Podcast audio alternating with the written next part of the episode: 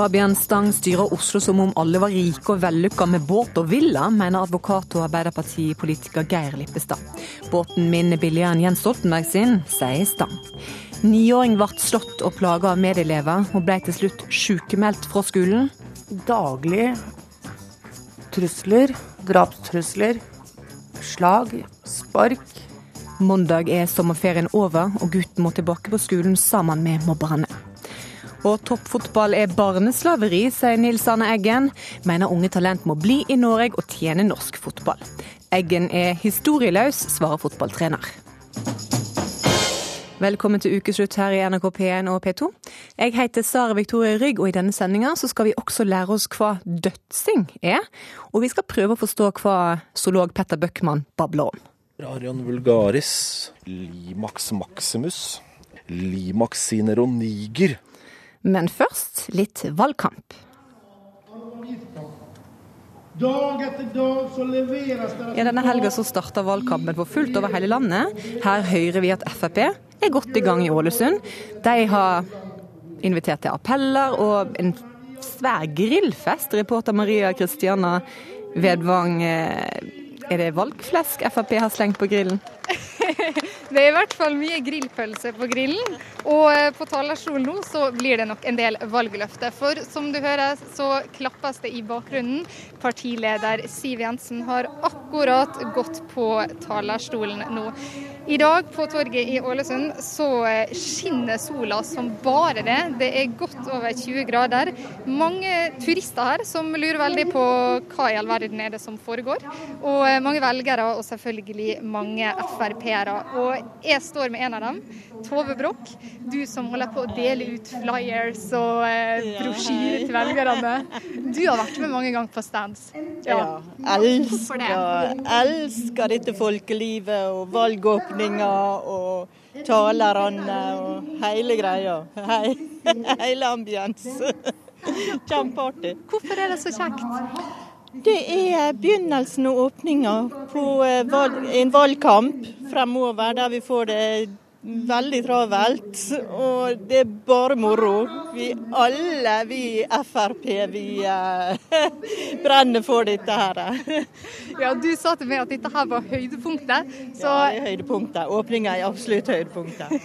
Og jeg ønsker alle velkommen ned på torget. Kom ned og få dere kaffe og høre på talerne og treffe Siv. Det er bra. Nå skal da Siv begynne å tale, altså. Og eh, vi eh, fortsetter valgkampen her i Ålesund. Takk til deg, reporter Maria Kristina Vevang. Vi flytter oss fra Ålesund til Oslo og til kampen mellom Høyre og Arbeiderpartiet. La oss ta en tur ut på sjøen i båt. Tenk deg at det er blikkstille vann, sola skinner fra en skyfri himmel, måkene de skriker. Vi møter på to voksne menn i sin beste alder, på hver sin flotte båt. Den ene er advokat Geir Lippestad, som står på valglista til Arbeiderpartiet i Oslo. Den andre er ordfører i Oslo, Høyre sin eh, For det er for disse rike, vellykka mennesker med båt Stang styrer Oslo for, mener du, Geir Lippestad. I en kronikk i VG denne veka så skriver du at du har kjensler av at de som bestemmer i Oslo, har helt andre mennesker som fokus enn de som virkelig trenger det. Hvorfor sier du det? Jeg syns jo det å være på fjorden er helt fantastisk. Og eh, som jeg skrev i den kronikken, så er jeg jo helt enig med, med Fabian i at eh, Oslo har et fantastisk eh, miljø, vi har fantastiske områder, og vi har det fantastisk godt. Men det er en forutsetning her, og det er at folk er like heldige som Fabian og det jeg er. Eh, det er mange som ikke har det som oss, og jeg tenker at fokus for politikere må også, ikke bare også, bør helst være på de som trenger kommunens tjenester, og ikke de som er så heldige som oss. Ja, Fabian Stang glemt de som ikke er riktig så heldige ute på fjorden? Altså det som er situasjonen, er jo at uh, vi har en veldig presset situasjon for de som er eldre og trenger omsorg i byen. Det er uh, veldig vanskelig å få en sykehjemsplass.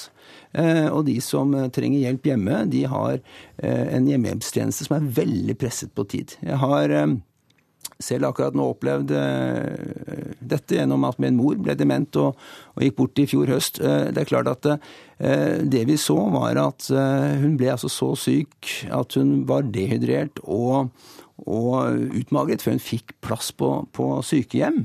Eh, det hjelper jo ikke å få en boks med ferdigmat på døren når ikke hjemmetjenesten har tid til å se at hun greier og skjønner hvordan hun skal åpne boksen.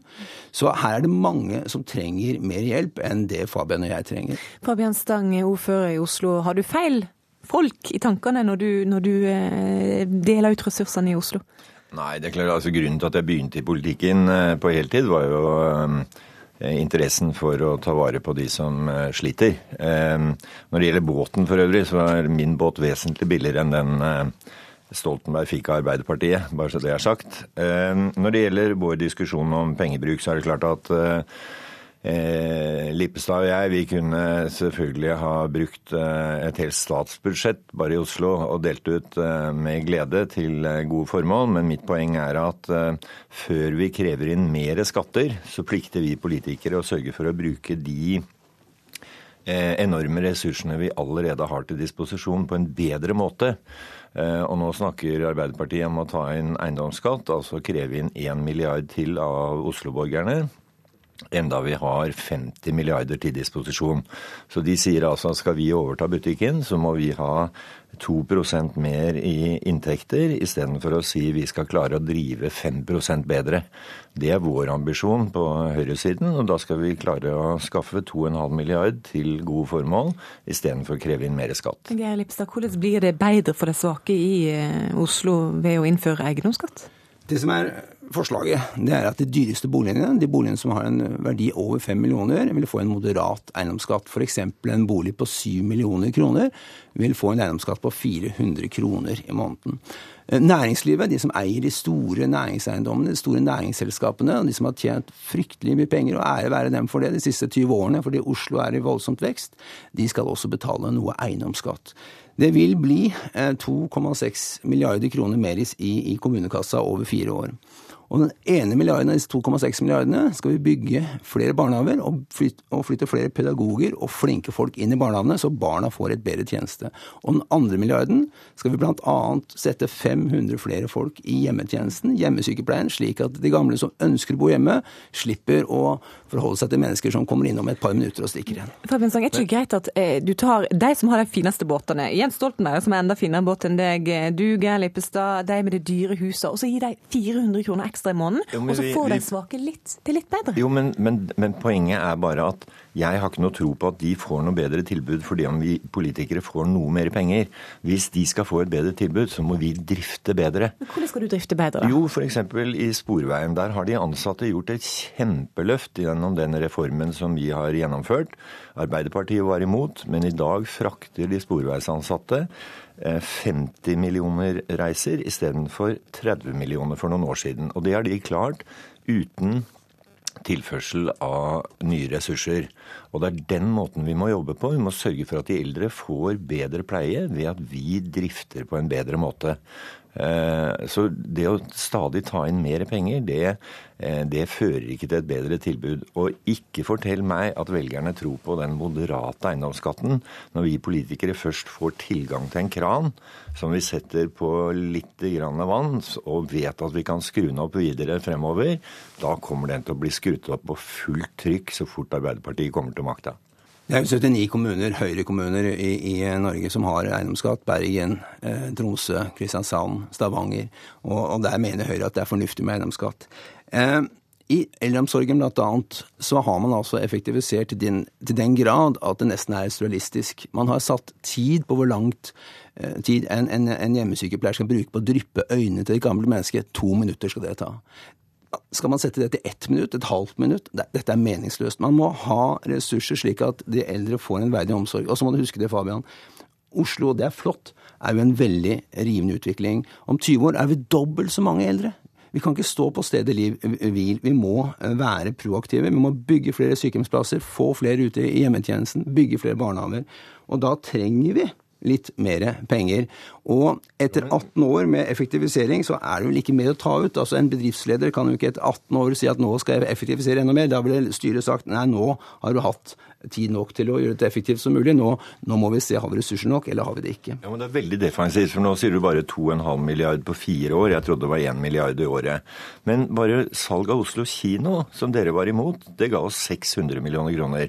Da ville dere at vi istedenfor å bli verdensmester i sykehjem og hjemmesykepleie, skulle fortsette å drive med kino. Og det klarte vi heldigvis å få flertall for, at det skal kommunen ikke drive med. Da hadde vi 600 millioner som dere ikke ville være med på. Um, å skaffe byen, og dere vil isteden plage skattyterne ytterligere før vi gjør jobben vår, og det syns ikke jeg er rettferdig. Men om 20 år da, så er det som Geir Lipsa sier, enda flere eldre som trenger hjelp i Oslo kommune. Ja, Hvordan skal du effektivisere eh, skal... drypping av øyne ned fra to nei, minutter til? Nei, nei, nei, nei, nei. Det, altså, den, den der stoppeklokkediskusjonen er helt, helt uriktig. Det vi skal effektivisere på, er selvfølgelig administrasjon, hvordan vi tilrettelegger. Vi skal sørge for at flere kan være hjemme lenger ved at vi har, eh, har, eh, hjelpemidler som gjør at man har en trygg hverdag hjemme. Ikke behøver å bli lagt inn på sykehjem før det er helt nødvendig. Eh, det ønsker pasientene. Og i Oslo allerede i dag så er 90% av pasientene og 90% av de pårørende fornøyd med tjenestene. Hvem får det best i Oslo med Høyre eller Arbeiderpartiet? Det, det, kommer jo an på hvem du er. Og jeg får det bra i Oslo uansett, men jeg tenker litt på flere enn, enn meg selv, faktisk. De som får det best, er de som stemmer på eh, det sittende eh, styret, som sørger for en god skole. En god skole er også en god eldreomsorg. Valgkampen er i gang. Takk til deg, Fabian Stang, og takk til deg, Geir Lippestad. Takk skal dere ha. Hver veke skal vi gi deg et lite glimt inn i valgkampkulissene, kjære lytter. Et glimt av kaoset som politikerne kanskje prøver å skjule. Vi har bedt ulike politikere sende oss små hverdagsglimt som vi har samla sammen til en valgkampdagbok. Første par ut det er Tonje Brenna og Erik Faret, eh, Eirik Faret Sakariassen. Og de trenger kaffe, te og barnevakt for å få tid til valgkamp.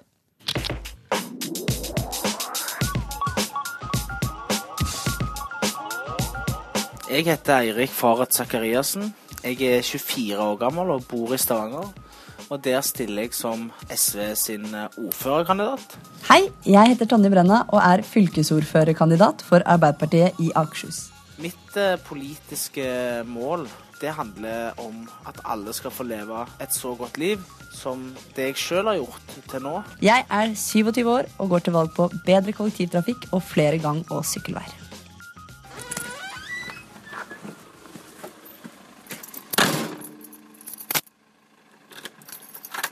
Vi begynner vel å bli litt sånn spente og klar for å møte verdenspressen her nå. Hei, hei, hei. Vi skal til Sola flyplass. Klokka er tidlig om morgenen, og i dag har alt gått galt. Det var tomt for brød til matpakker. Jeg rakk så vidt å dusje, måtte løpe hele veien til barnehagen og løpe til toget, for så å miste toget. Så nå er jeg gjennomvåt innenfra ut fordi jeg er svett, og gjennomvåt utenfra inn fordi det regner. Og da gjelder det bare å gjøre én ting når det er valgkamp. Sette seg på ESAP-stasjonen med mobilen og gjøre seg aktuell via telefon. Da er det snart eh, pressekonferanse med SV sin eh, valgkampåpning, og vi sitter på en takterrasse på Vulkan. Og eh, nå sitter jeg med Finn Rindal, som er førstekandidat for Nesna SV, og har kommet langveisfra for å være med og sette litt lokalt preg på, på den nasjonale åpningen. Hva tenker du, Finn? Jeg er jo veldig spent på det her. Jeg har aldri vært med på noe sånt før. Nesten er jo en liten plass. Sammen med dere store gutta fra Bergen og Stavanger, så føler jeg meg litt sånn uh, ja ja. Men uh, kjempeartig at liksom, vi blir, blir løfta opp og får litt fokus, vi også. Så håper bare ikke jeg dummer meg ut, sier noe dumt på TV. ja, det tror jeg skal gå helt fint. I dag er det 10. august, og vi er ute på valgkamp. Eh, vi skal forhåndsstemme, og jeg har i anledning det tatt med meg en venn. Hallo, venn. Hei, hei. Min venn er tilfeldigvis eh, Mani, som er leder i AUF. Eh, og Mani, du er litt stressa fordi vi skal forhåndsstemme i dag? Ja, fordi egentlig skal jeg stemme i Oslo siden jeg er registrert der. Ja. Men det går greit å stemme på ISM, eller? Ja, det gjør det. Det vi har funnet ut er at når man skal forhåndsstemme, så trenger du verken valgkort eller å stemme i riktig kommune. Du kan bare ha med legg. Og legg har du med? Ja, med bankkort. Ja. Har du bestemt deg for hva du skal stemme, eller? Eh, Jeg måtte tenke meg nøye gjennom, men eh, det blir eh, Arbeiderpartiet. Ja, Hvis man er litt i tvil, så kan man jo alltid begynne øverst i alfabetet, på A. Det er jo en mulighet. Da skal jeg få meg en kopp med te. Jeg er vel en av de veldig få her i verden som ikke drikker kaffe. Jeg har aldri gjort det, aldri drukket en kopp kaffe i mitt liv. Så jeg holder meg til te, og greier å holde meg våken stort sett uten noe annet. Nå er vi i Ski og skal egentlig ha et slags utspill om jordvern. Og det er Lars fra KrF, og det er Morten fra Senterpartiet, Solveig fra Venstre, Øyvind fra Miljøpartiet og Gjermund fra SV. Men journalisten er forsinket, og hva skjedde da, Solveig? Nei, da så vi muligheten til å få tatt oss en kopp kaffe, da. Ja. Hvor lyst har du på kaffe, Øyvind? Jeg har veldig lyst på kaffe. Uten, hvis ikke koffeinen i blodet er høyt nok, så er det vanskelig å fungere godt. Og hva skjer da? Da kan man ikke være god i folkets tjeneste lenger. Nei, da taper man valg, rett og slett. Sikkerhetsutstyret om bord og behøver din oppmerksomhet. Da er en lang dag i Oslo over, og jeg eh, er på vei til å gå på flyet for å komme meg hjem igjen til Stavanger. Men i morgen så venter det en lang dag med både to debatter og Stan og, og Audun Lysbakken skal komme på besøk.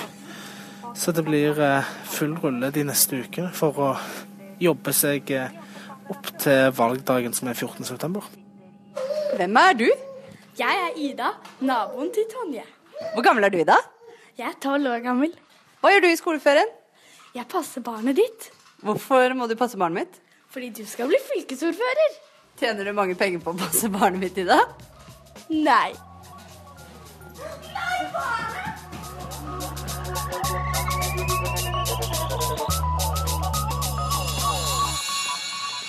Takk til Tonje Brenne fra Arbeiderpartiet og Eirik Faret Sakariassen fra SV. Neste uke får du høre flere unge politikere som har en felles drøm, nemlig ordførerkjedet.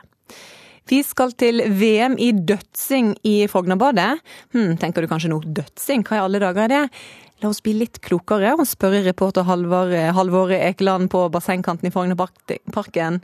Hva er dødsing? Ja, eh, det er et godt spørsmål. Jeg står her og har sett litt på folk som har kasta seg utfor eh, timeteren her. Og jeg står også med markedsansvarlig i Norges Dødseforbund, eh, Pål Rigå. Hva er egentlig dødsing? Døds er en manndomsprøve hvor du kaster deg ut fra timeteren i stjerneformasjon, og så er det om å lukke seg senest mulig i en kule eller en reke. Er det mange som driver med det her i, i Norge, eller? Ja, Vi tok det jo litt opp igjen. Det holdt på å dø ut for et par år siden. Og så har vi med litt hell og et godt publikum fått det til å bli stort igjen. Så jeg tipper at vi blir 3000 stykker i dag. Ja. 3000, det er ganske, ganske mange folk. Hva er det egentlig som skal skje her? Det er jo VM i Dessing, Hva, hva er det som skal skje? Ja, altså, dette gjør jo Det internasjonale dødsforbundet i samarbeid med Sjette sans. og Det er rett og slett et kulturarrangement uten like. Her får barn komme gratis inn, og så sitter man og nyter og ser 30 stolte menn slå seg fordervet fra ti meter. Og det er da en kvartfinale, semifinale og en finale. Ja, det er rett og slett da folk som slår seg fordervet fra ti meter. Det høres jo helt sjukt ut. Men Halvor Ekeland, jeg har litt sånn trøbbel med å egentlig skjønne hva dette her er for en sport. Jeg, jeg lurer på om du kan forklare det til oss på en litt, enda litt enklere og bedre måte. Kanskje du kunne ha vist oss? Du, du vil at jeg skal opp der, du? Det vil jeg. Ja. Jeg så vel egentlig den komme. Vi, det er høyt opp, da. Ja, da Jeg får ta en tur opp der, og så får vi se Se om jeg kanskje skal Ja, nei, vi får se han. Jeg kan gå opp der, jeg. Jeg har hørt rykte om at du har en medalje eller to i svømming, så jeg tipper at dette her klarer ja, du kjempebra. Det er jo svømming. Jeg liker meg best i vannet. Jeg er ikke ti meter over vannet, men uh, vi får se. God tur opp til timeteren, Halvor, så prates vi litt grann senere i ukeslutt. Det gjør vi.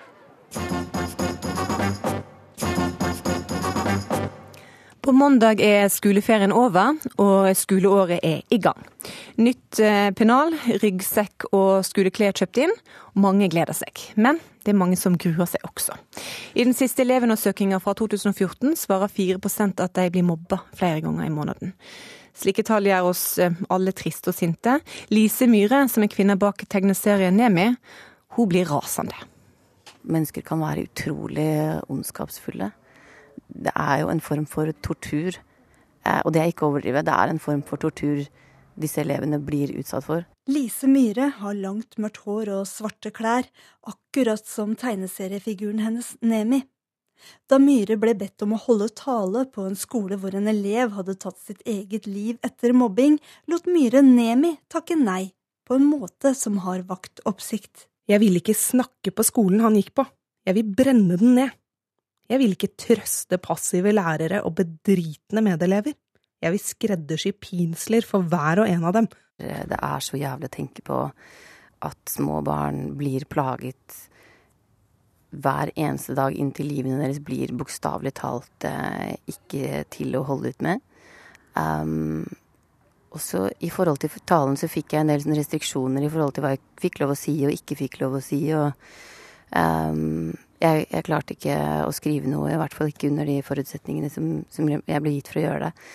Men, um, men, jeg endte da opp med å skrive en tekst til elever som, som kanskje er i samme situasjon som denne gutten var. Første hendelsen ser sånn ut. Uh, der fikk han et kloremerke på kinnet. Her har han blitt dytta i bakken, og han hadde et skrubbsår på armen. En liten gutt kikker alvorlig mot oss. På bildene mora blar fram på nettbrettet, ser vi han med kloremerker og hevelser i ansiktet og på overkroppen. Mora, som sitter ved kjøkkenbordet et sted på Østlandet, begynte å dokumentere sønnens skader i fjor høst. Da oppdaga hun at gutten på ni år ble utsatt for vold på skolen. Han satt her sånn hvor jeg sitter nå, og sa da at jo, nei, han måtte være støl i maven fra treninga. Og så spurte jeg hvor han var støl, og så peker han da på ribbeinene. Så drar jeg av T-skjorta, og da ser jeg et ganske pent blåmerke. Og jeg ser blåmerke på ryggen, og da spurte jeg hva er det som har skjedd, dette må vi prate om. Da kom alt ramlende ut, hvor jævlig han hadde hatt det siste halvåret på skolen. Med daglige trusler, drapstrusler, slag, spark. Og han hadde det ikke noe bra på skolen i det hele tatt, og nå orka han ikke mer. Mora ringer læreren samme kveld og får beskjed om at de kan ta en prat om ei uke. Noen dager etterpå ringer skolen tilbake. Jeg blir oppringt av skolen med at eh, det har skjedd en hendelse. Og en annen klassevenninne av han eh, kommer løpende og gråter og forteller meg uh, hva hun har sittet og sett på av uh, en medelev har slått ned, sittet med kneet ned i maven på han og klora han så han satt og blødde inne i klasserommet. Niåringen havner på sykehus etter volden. Når han kommer tilbake, velger skolen å isolere ham. Han satt nesten nå i siste fire månedene eh, på trappa og så på de andre lekte. Og det var ingen som fikk lov til å sitte bort ved han i det hele tatt. Han måtte bare sitte der og se på de andre. Eh, han fikk eh, tilsnakk ute i skolegården om nå må du passe deg så du ikke skaper en konflikt. Etter en ny voldsepisode i våres valgte guttens lege å sykmelde niåringen resten av skoleåret. Neste uke skal han tilbake, og selv om skolen og kommunen har sagt at sønnen nå skal bli ivaretatt, klarer ikke mora å stole på det. Jeg håper jo selvfølgelig, men på en bedring. Men hvor mye skal vi håpe? Stopp! Ikke mobb! Dette her er kameraten min.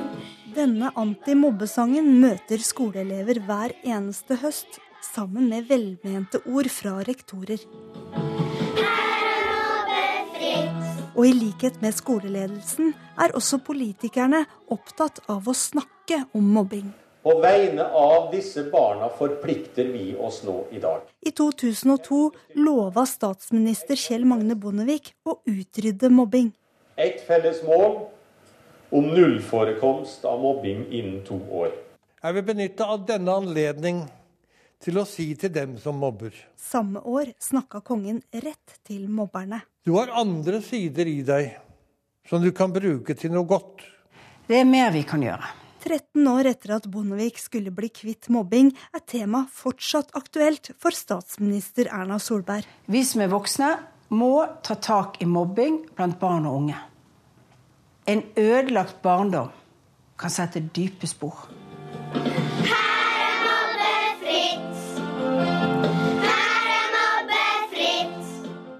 noen som går ut og sier at vi har en 100 mobbefri skole, så hadde jeg blitt betenkt. Eh, fordi barn er barn, og barn vil prøve seg. Og det vil nok alltid mest sannsynlig dukke opp noen saker. Eh, og målet må jo være å få tatt de før det blir alvorlige mobbesaker.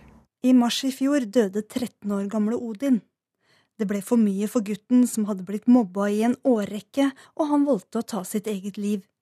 Katrine Olsen Gillerdalen er mora hans. Når du legger deg på kvelden, så har du ikke lyst til å sove, for du vet at i morgen må jeg stå opp og gjøre det en gang til. Jeg må gjennom én dag til. Og det den følelsen sitter hver eneste dag. Eh, men så prøver jeg å være flink til å berømme meg og berømme familien for at ja, vi gjorde det en dag til. Vi var flinke en dag til, og i dag har vi kanskje til og med ledd litt. Eh, så vi, vi prøver å ta med oss de gode tingene hele veien, og så prøver vi å gjøre det på nytt og på nytt og på nytt. og på nytt. Familien flytta, og Odin begynte på en annen skole i håp om at alt skulle bli bedre. Men det ble det ikke. Barn har ikke konsekvenstenkning. De har ikke samme, det samme tidsperspektivet som vi har. ikke sant? Måneder langt frem, langt, ja, måneder frem i tid. Er fryktelig langt, ikke sant. Så, og det var nok sånn for Odin også. Eh, og klart, etter at Odin flyttet, så hadde han jo en, en stor bagasje med seg. og og når det da var noen episoder igjen i Aurskog, så ble det bare toppen av berget. At skal man ikke få være i fred her heller. To dager etter at hun fant Odin død, bestemte mora seg for å hjelpe andre i samme situasjon. Og det er mange av de. Og det kommer nye hele tiden. Det er blitt hennes nye heltidsjobb. Jeg hører han er med hele tiden. Så jeg har han, har han med meg på jobb hver dag. Jeg vil ta hånden din og fortelle deg at verden er så mye større enn det du kan forestille deg nå. Lise Myhres Nemi ber de som blir mobba om å holde ut. Den er full av ting som kan gi deg glede.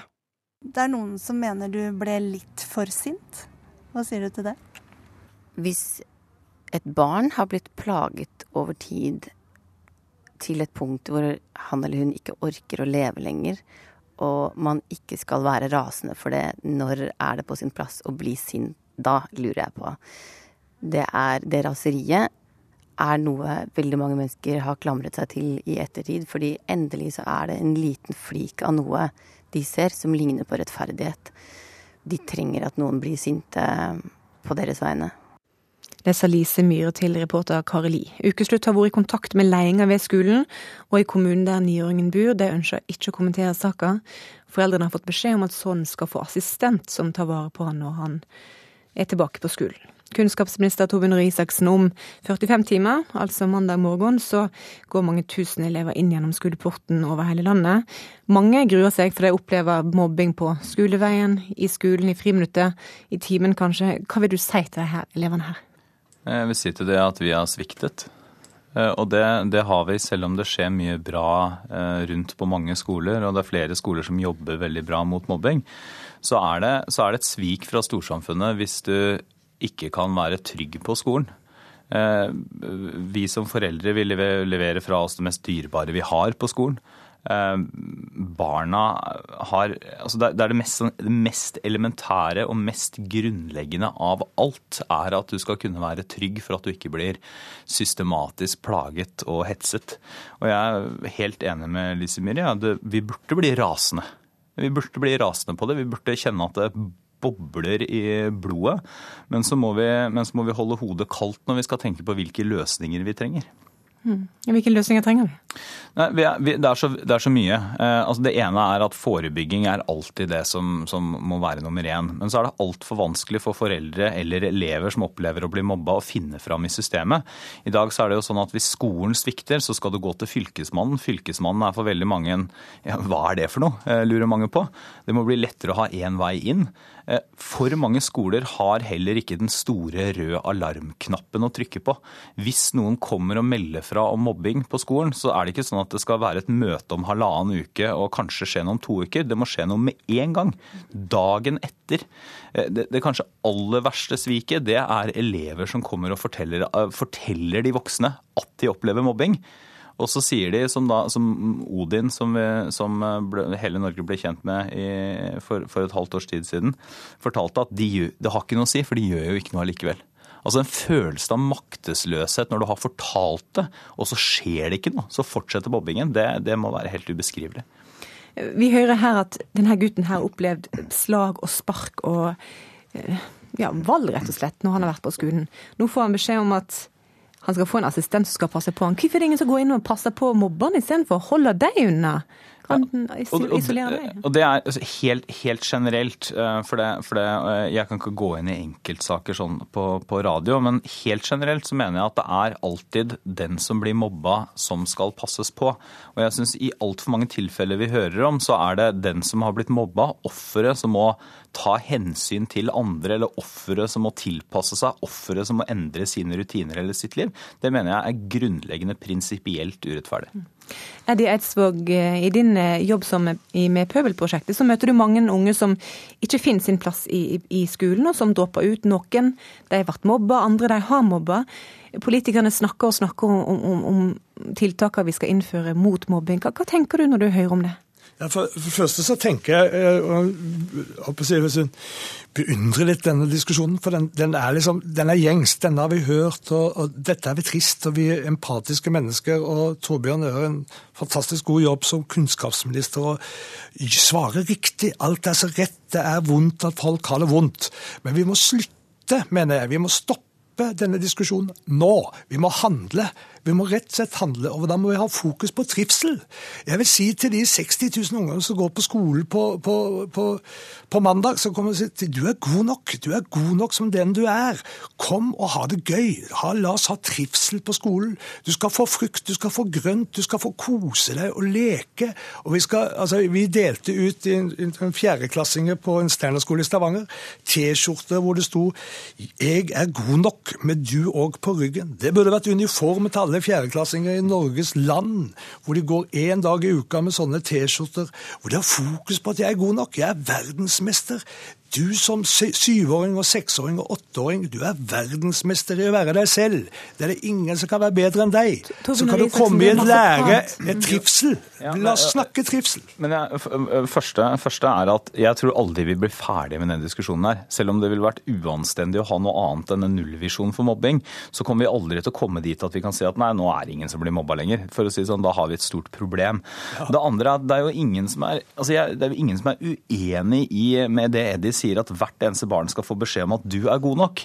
Og jeg er helt sikker på at det er ingen i skolen heller som mener at ikke hvert eneste barn skal få beskjed om at du er god nok som person, som menneske, som individ. Ja, men, Torbjørn, Torbjørn men, dette men, blir bullshit! Si Torbjørn, Torbjørn, dette blir bullshit! Ja, Skolen, jo, men hør, Torbjørn. Skolen er jo motsatt. Skolen forteller deg at du ikke er god nok.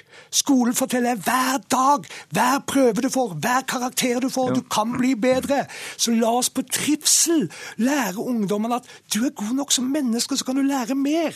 Det blir, det blir, liksom, det blir, det blir så pisspreik å sitte og prate om at nei, vi er gode nok. Skole gjør det motsatte. Jo, men vet du hva? Men hvis, hvis det du mener da er at altså, Hvis det du mener er at for at skolen skal bli mobbefri, så må vi slutte å ha prøver i skolen? Nei, det, er ikke det jeg sier. Altså, men, men da skjønner jeg, jeg, ikke, jeg ikke helt hva du mener. Vi må, vi må gi ungdommene trivsel i friminuttene. Ja, det forstår jeg, men det, der, men det, er der, jeg sier at poenget er sant, igjen samme som du sier at politikerne bare snakker Utfordringa er jo å få det gjort om til handling der ute på den enkelte skole. Jo, det, er din, ingen i skolen som ikke mener at vi skal ha trivsel. Det er ingen i skolen eh, som ikke mener at vi skal fortelle hvert eneste barn at du er god nok, selv om du ikke alltid klarer alle fag eller lærer like fort som alle de andre. Utfordringen er å få det til. Vi har i 20 år faktisk snakket om at, at barn blir mobba i norsk skole. Allikevel så har ikke alle skoler rutiner på plass engang hvis det blir varslet om mobbing. Torbjørn, skal du kan gjøre noe med dette. Ja, altså, vi, det finnes et tiltak i Norge som heter Trivselslederne, som går inn, trivselslederne som går inn og lager trivsel i barnehager og gir ungdommen og barna ansvar for egen trivsel. Bruk det! Ta, få de inn til alle barneskoler, ungdomsskoler. Torbjørn Isaksen, du sier du skal gjøre noe med det. Hva skal du gjøre helt konkret? Jeg er helt, jeg er helt enig, bare for å si det, så jeg er helt enig, det er noe som heter Trivselsprogrammet, som er kjempebra. Men vi har også veldig gode antimobbeprogrammer som fungerer. Jeg mener alle skoler i Norge skal ha et antimobbeprogram. Eh, så holder vi på å gå gjennom hele systemet nå for å se hvordan skal det bli lettere for foreldre og barn å finne fram dersom skolen svikter. Vi må også kreve at alle skoler har rutiner på plass. at de har en alarmknapp de trykker på. På samme måte som du har brannøvelse, så må du vite hva som skjer på skolen hvis noen melder fra om mobbing. Eh, vi, ha, vi har prosjekter nå for å bringe hjelpeapparatet tettere på. Hvis det skjer noe, så skal hjelpeapparatet tettere inn. Alle disse tingene her skal vi gjennomføre, og er vi i gang med å gjennomføre. Mandag starter veldig mange elever på skolen. alarmknappen skal være der, alle skal si fra hvis jeg ser mobbing. Hva vil du si til de som eh, er vemmelig mot andre og plager deg? Eh, Altså til de som mobber? Eh, Jeg, jeg er ikke sikker, vet du hva, jeg tror mange som mobber. Noen gjør det, som, som Lise Myhre sa i innslaget her. Og, og, og det er vanskelig å tenke at det ikke er ondskapsfullt.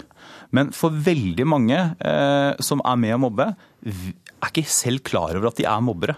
De tror at de bare følger gjengen eller gjør det som en annen gjør, eller snur ryggen til den samme som alle andre snur ryggen til. Tenk på det. Hver lille og store ting du gjør, bidrar til eh, hvordan hverdagen og skolehverdagen er for andre.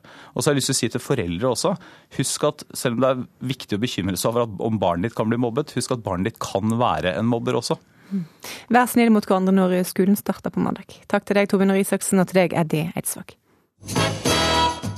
Du hører på Ukeslutt i NRK P1 og P2. Halvt fram er det å høre at den er brun, slimete og vemmelig.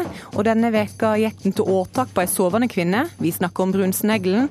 Og den smaker som den ser ut, ifølge zoolog Petter Bøckmann. Bæsj. Og reporter Halvard Ekeland, du er klar for dødset fra timeteren i Frognerbad, eller? Ja, klar og klar. Jeg har i hvert fall eh, tatt på meg badebuksa og står eh, klar til å gå på timeteren, så får vi se hva som skjer. Sommeren er på hell og jaktsesongen er godt i gang, i alle fall for de som jakter på mordersneglen, eller brunsnegl om du vil. Denne veka beit brunsneglen tilbake og tok en liten jafs av armen til ei sovende kvinne. Ukeslutt sin reporter Linn Beate Gabrielsen dro på brunsnegljakt i hagen til zoolog Petter Bøckmann for å finne ut hvor farlig den lille slimete karen kan være. Dette er jo snegl, og særlig disse nakensneglene de har jo ikke noe sted å gjøre seg når det er varmt og tørt. Så da må de søke ly. Du kan tenke deg at dette er dyr som lager et slimspor som de sklir rundt på. Og det, det tar en del vann, rett og slett. Det er litt som hvis du skulle sklidd rundt på tunga di, hvis du kan tenke deg det. Eh, Det gjør du ikke når det er varmt på asfalten. Så nå har alle dyra søkt seg ly i busk og kratt og innunder blader. Sånn, så jo bedre vær, jo mindre brunsnegl å se. Vi er på sneglejakt i hagen til zoolog Petter Bøckmann. Problemet er at det er litt for godt vær i dag til at sneglene kryper fram. Da kan vi starte litt med å lete i krattet her. Jeg, har vært litt dårlig til å slå gresset, rett og slett. Så der er det litt for langt gress. Der, der ja! Der er den, vet du! Det var ikke mer skulle- Det var ja, vi bare fem sekunder etter at jeg begynte å lete, så fant vi den. Der. Svær, fin kladd. Ah, ikke sånn kjempestor. Plukker den opp. Ja, det går fint. Der. Nå ser du nå, nå Dette liker han ikke. Nå krøller han seg sammen. Nå gjør han seg så rund som mulig. Nå er han nesten rund som en ball. Der ser du, Det er pustehullet. Det er ikke helt gjensnørt. Han er liksom ikke Han har ikke troa på at dette her går helt gærent. Han sitter rolig. Det, hvis jeg herrer litt med, så lukker han det hullet. Skal vi se. Der. Nå kneiper han igjen. Der. Nå ser han på seg. Der kommer øynene ut. Blup. Hallo. Foregår det noe? Der, ja. Nemlig. Hihi. Så har han fire øyne. De er utrolig tøffe. Det har vært et drømmeår for brunsneglen med en mild vinter og fuktig sommer. Hageeierne derimot har intensivert jakta, utstyrt med saks, ølbøtter og salt. Men nå har en del dyr også begynt å jakte på brunsneglen Det ser ut som leopardsnegl tar noe brunsnegl. Eh, Det er en del folk som ikke liker leopardsnegl heller. Og Og svarttrost kan ta brunsnegl. Jeg har også hørt om noen som har skaffet seg moskusender, som også liker brunsnegl. Ja, nå er jo Moskosagna nesten like motbydelig som det brunsneglen er. Sånn at, og, og så har du jo ikke noe bruk for den. Hva gjør det med ei and som har spist brunsnegl? Skal du spise den til jul? Dyr smaker det du har spist. Nå har jeg spist brunsnegl eh, sammen med vår daværende, vår daværende landbruksminister, faktisk. Han engasjerte kokkelandslaget for å tilberede brunsnegl. Og de var veldig, veldig flinke. Gjorde dette etter alle kunstens regler, og det smakte likevel bæsj. Sånn at den derre anda, når den har gått og livnært seg på brunsnegl, så tviler jeg på at den er egna julemiddag. Ikke engang hvitløk fikk det til å smake godt, liksom. Hvitløk, eh, linsepuré, eh, små baconbiter. Hjalp ikke. Bæsj. Men hvorfor blir den da kalt eh, mordersneglen? Den blir kalt mordersneglen fordi den spiser døde artsfrender. Og når folk da kommer og finner én sånn daud snegle omgitt av fem, seks, sju andre snegler som driver og gnafser på den, sier ah, de har drept en mordere! Men det har de altså ikke. De tar ikke levende snegl, de tar døde snegler. Men denne uka våknet en dame av at selve mordersneglen spiste hull på armen hennes. Kan vi ikke lenger eh, ligge og sole oss trygt i gresset? Nei, jeg tror ikke det. Dette var, det var en gammel uh, biolog. Hun, hun hadde nok ligget veldig, veldig stille. Uh, og så hadde hun et sår på arven fra før av. Så det som nok har skjedd, er at den sneglen har kommet og spist uh, død hud og, og, og, skorper og en del sånne ting. Kanskje har en sleika høl et eller annet sted, men nei. Det er noe med et dyr som du kan åle deg bort fra, selv om du har brukket begge bein og begge armer, trenger man ikke være så veldig redd fra. Men nå er denne sneglens dager talte. Skal vi se. Der, nå kan vi saksen. Viva la revolución. Der. Og da beveger han seg fortsatt. Ja, ja, ja. Tar en stund før disse dyra dør, ser du. Jeg ser hodet er, hodet er bevegelig, men det, si, dette kjenner vi jo også fra den franske revolusjon. Eh, Det var en del av de hodene som ble kappa, som lå og blunka og sto i eh, en liten stund før de, før de tok kvelden. Disse dyrene her eh, lever nok litt lenger. Du ser det er ting som beveger seg, strukturer i hodet her som beveger seg. Real Madrid har de beste mulighetene for meg, både sportslig og utenomsportslig. Det var gøy. Eh, så skal jeg bare trene hardt fremover og fortsette, fortsette sånn som jeg har gjort. Very happy and I think um, the season has gone quite well. Litt uvirkelig egentlig at jeg sitter her og er klar for den største klubben i verden. Det er en drøm som går i oppfyllelse og utrolig stort for meg, så en ære. Tre unge norske fotballtalenter som har fått mye applaus etter at de fulgte guttedrømmen sin og dro utenlands for å spille fotball. Martin Ødegaard, Martin Samuelsen og Mats Møller Dæhlie hørte vi her. Aftenposten skrev denne veka at flere og flere norske fotballspillere prøver lykka i utlandet lenge før de har prestert stort på seniornivå i Norge. Dette fikk deg til å reagere ganske kraftig, Nils Arne Eggen. Hvorfor det? Altså, jeg er jo norsk fotballfagmann og har som hovedoppgave å utvikle norsk fotball. Og da er det klart at da kan ikke vi, eh, kan ikke vi sende våre eh, største talent ikke sant, som er vokst opp rundt om i, i Norge, til England. Altså, vi er fem millioner, og, og, og, og, engelskmenn eh, Du kan jo gange med 10-15, ikke sant? Altså eh, deres eget nærområde. Og så skal de hente de største talentene fra små land som Norge og andre. Nils Arne Eige, du kalte dette her eh, en form for barneslavehandel i Aftenposten. Hvorfor så sterke ord? Ja, altså Det er jo det. Poenget mitt er at er altfor stor risiko, og at Norge vi trenger alle våre eh, sønner og, og, og døtre, vet du. Kommentator i Dagbladet og fotballtrener Estno Sæther Eggen kaller dette her en form for barneslavehandel. Du kaller han historieløs. Hvorfor det? Ja, det var gjort med litt, eh, en litt kjærlig fortelling, var i hvert fall meningen. Fordi eh, Nils Arne er jo så flink til å lage gode, gode fortellinger. Men jeg tror at, jeg tror at det er ålreit å, å, å, sortere vekk dette med, dette med slaveriet. Fordi det er, for å være alvorlig, det er et stort problem. Og det er et stort globalt problem. Og sist nobelpris eh, gikk jo til en som har jobbet mot det. Og det er lite å gjøre med slaveri, det at noen drar ut og, og, søker lykken i det som helt riktig er et lotteri, men det er snakk om en 30-talls norske gutter som, som, blir litt ivrige, og ikke minst er vel pappaene deres enda mer ivrig, og det er jeg i utgangspunktet skeptisk til. Men jeg syns at begrepene denne gangen her, så var det litt for mye, Nils Arne. Ja, men du, ja, det er greit det. Men altså, jeg snakker jo i bilder, vet du. Ja, ja, ja. Og, og jeg kan veldig mye som historiemann, så kan jeg mye om slaveri, jeg vet du. Jeg vet Men altså, poenget var liksom at, at, at når de først kommer dit, så skal de da konkurrere voldsomt med eh, kanskje tusentalls andre, hvis du tar flere akademi her. ikke sant? Og, og liksom det er, en, det er en sånn, Når du først har kommet inn i det der, så har du lett for å brenne lyset i, i, i lyset ditt i begge øynene. Men hvis vi legger slavehandel til side, Eggen frykter jo for framtida for norsk fotball.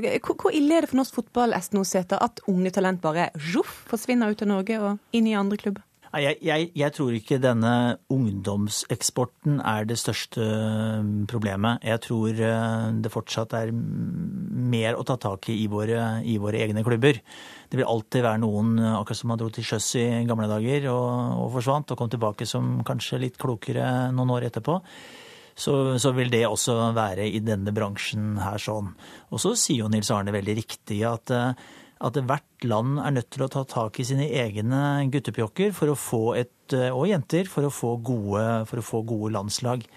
Eh, Og det er, det er vår utfordring. og gode klubblag. Ja, ikke minst gode, gode klubblag, for det er en, en forutsetning. Og vi, vi har jo ikke de pengene hele tiden å, å friste med, men, Men, vi men har er et det miljø riktig å at friste dette her med. blir et stort problem for Nei, norsk fotball? Det, det er dette er ikke et stort problem. Men, eh, men norsk fotball har en kjempeutfordring i å være flinke nok og originale nok til å utvikle de aller, de aller beste. Altså Norsk fotball er en stor stor suksess når det gjelder det med bredde å ta vare på og lage gode ungdoms- og barnemiljøer.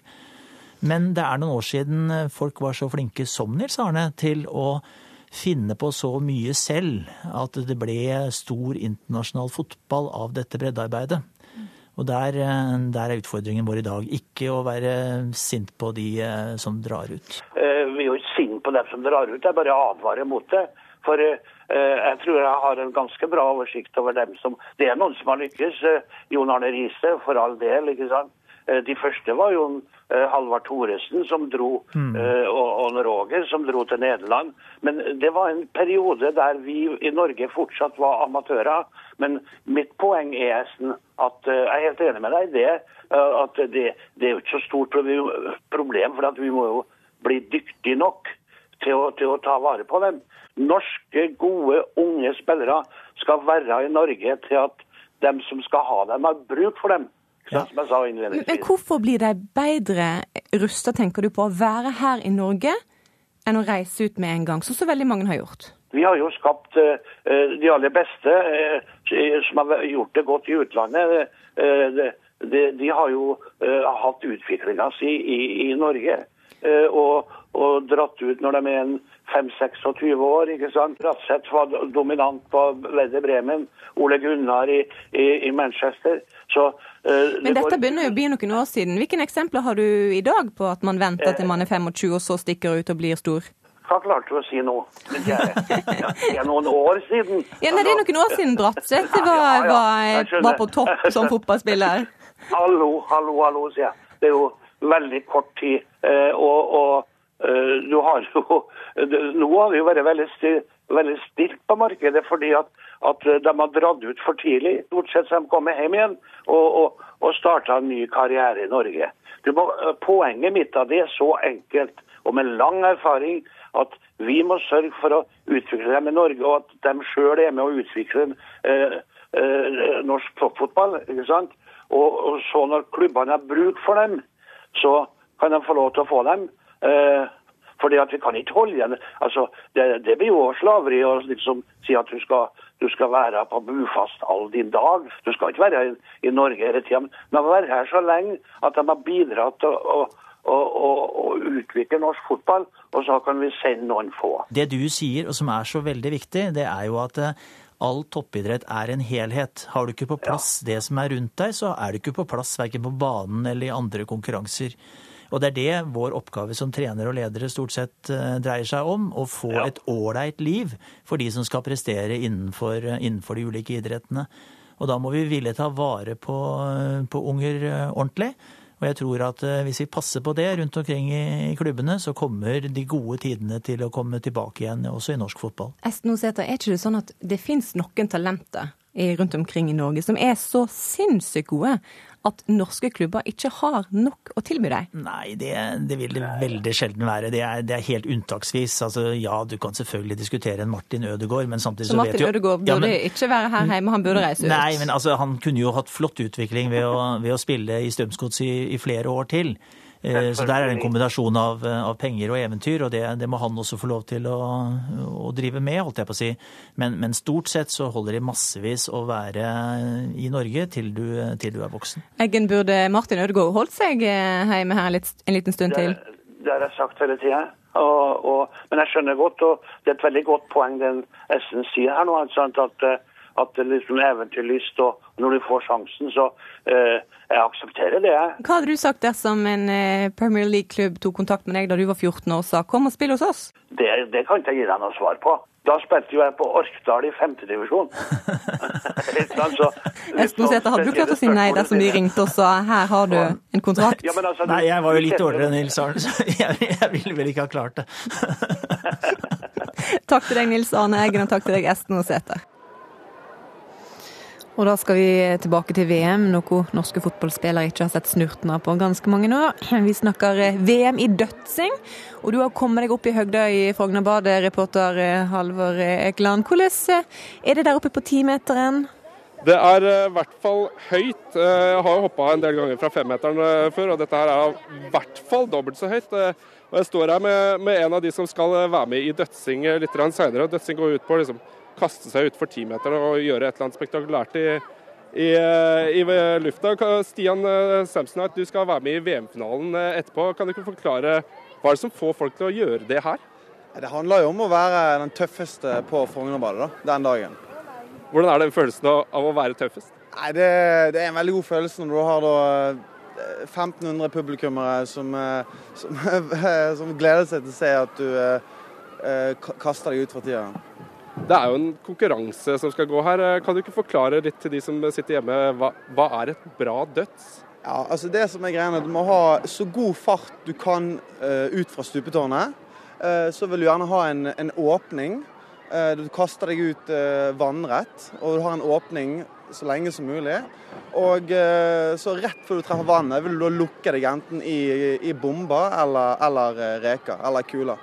Mm. Men eh, poenget er at du skal bare ligge og prøve å late som om du ikke er redd i det hele tatt? Ja, skal liksom, Man skal liksom eie luftrommet og late som man ikke er redd. Og eh, når du da har gjennomført en døds, så, eh, så er du da kongen av eh, Frognerbadet. Kongen av tieren.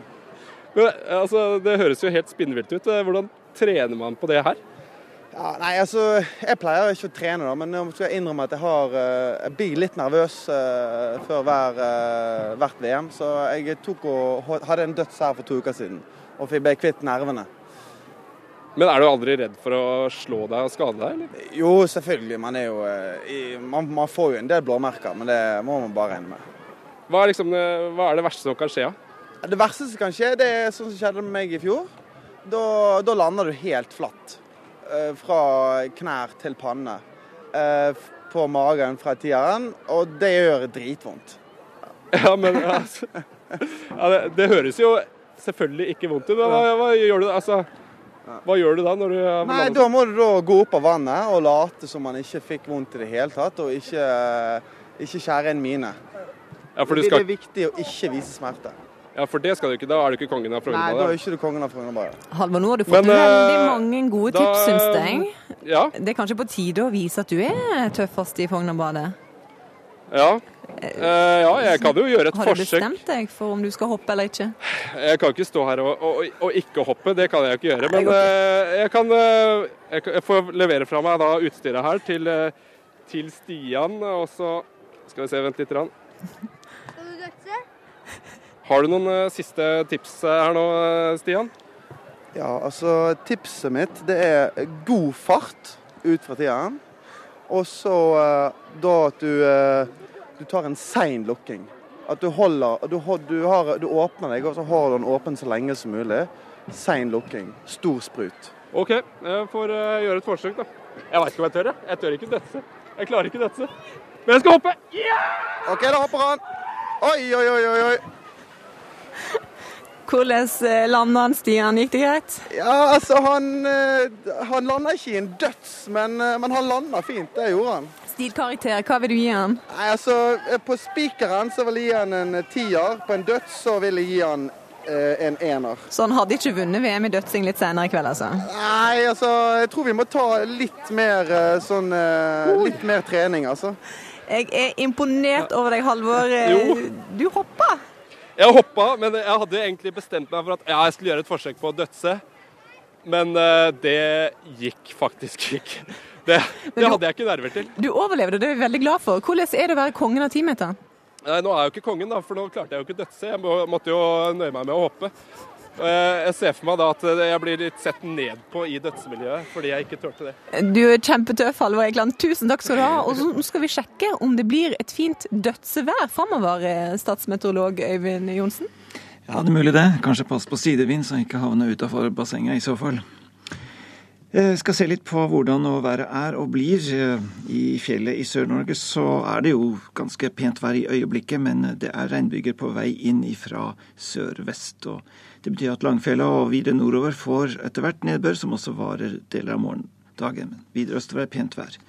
Østlandet også ganske flott i øyeblikket. Det kommer nok noen nedbør sakte, men sikkert inn fra sørvest. Og, og, la oss si Oslo, Mjøsa er en sånn grenseområde for nedbør i løpet av natta. Men uh, det er lite nedbør jo lenger østover en kommer. Hedmark pent vær.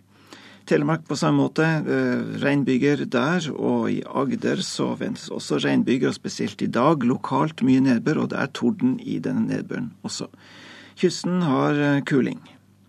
Vestlandet så går nedbøren nordover, kanskje til Sunnmøre eller Romsdal. og Det betyr eh, også kuling på kysten, og spesielt, spesielt mye nedbør i sør. Videre nordover er det ganske mye pent vær.